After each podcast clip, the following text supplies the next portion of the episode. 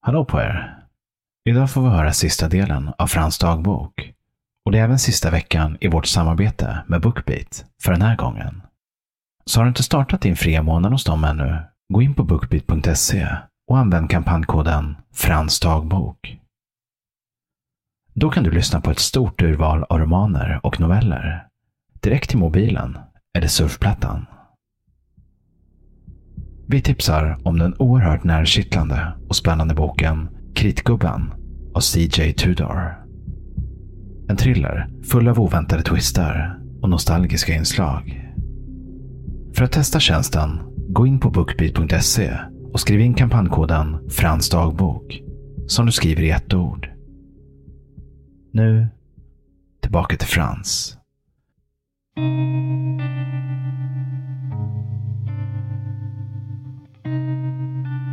Hej.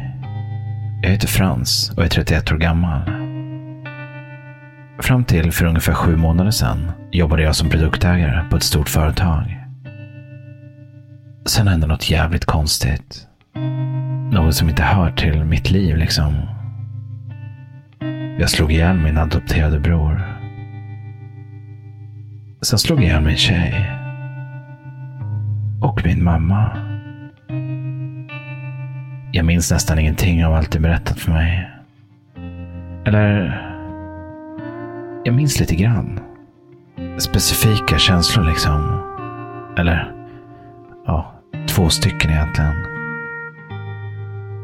Sorg och hat. Jag har suttit i fler förhör än jag kan komma ihåg. Och jag är säker på att åklagaren tror att jag ljuger. Jag ser det i hennes ögon när jag säger som det är. Att jag inte minns. Och jag förstår inte ens grejen. Jag har ju erkänt liksom. Men min advokat säger att det är viktigt. Det är tydligen skillnad på mord, dråp, uppsåt eller ej och ja, jag kommer inte ihåg allt.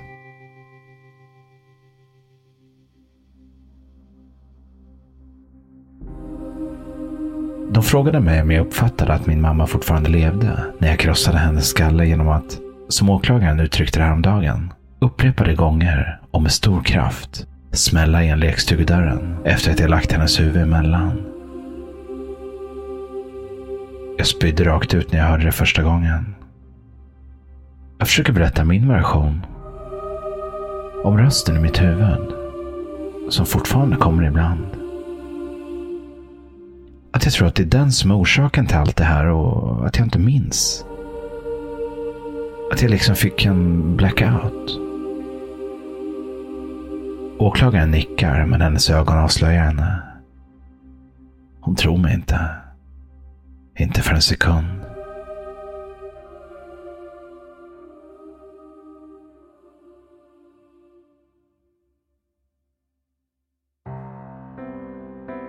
Jag fyller år idag. Då gav de dig till mig. Tydligen hade jag frågat efter en dagbok ganska ofta i början när jag satt häktad, men ja, jag minns inget av det heller. Men jag blev glad när jag fick det i alla fall. Jag har aldrig skrivit dagbok förut, men bara så här efter ett par rader så tycker jag att det är ganska skönt. Det är rätt så ensamt här annars. Egentligen är det två saker jag minns riktigt tydligt från veckorna innan polisen knackade på hos mig och grep mig. Linneas ögon. Jag tror vi sitter på en restaurang eller något. De känns varma och vänliga. Jag tror att hon ville mig väl. När jag tänker på det börjar jag alltid gråta. Hur kunde jag... Sen minns jag en sak till. Lekstugan. Lekstugan på mammas tomt. Jag vet inte varför egentligen, men det hugger till mig varje gång jag tänker på den. Fastän jag inte kommer ihåg något av det landade en känsla i mig efter att chocken la sig när de berättade vad jag gjort mot min mamma. att det var rätt. Att jag liksom blev fri.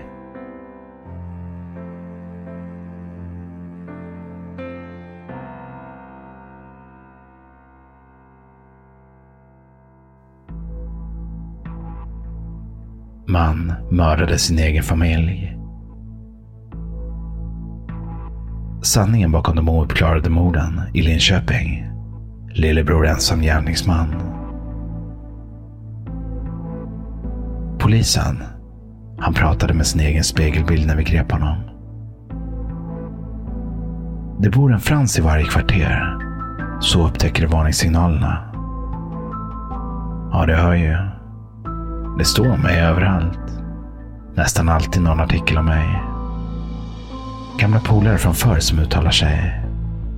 Och det är alltid sådana som man knappt själv kommer ihåg. Men plötsligt var de tydligen bästa kompis med mig när jag var liten. Alla, exakt alla vet hur jag tänkte. Hur min barndom var. Varför jag gjorde som jag gjorde. det är kul. För om det är någon som borde veta det, så är det ju jag. Och jag har ju ingen aning. I alla fall inte med mamma.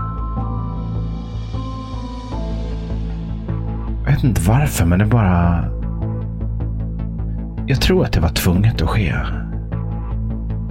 Rösten. Kommer du ihåg rösten jag pratade om i början? Den säger det ibland. Precis innan jag ska somna. Och det lugnar mig.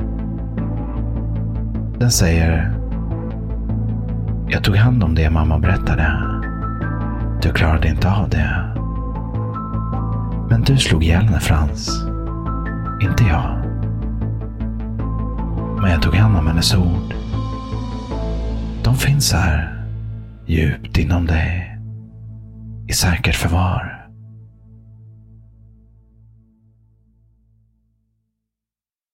Jag förstår inte vad allt det där betyder, men jag sover gott i alla fall.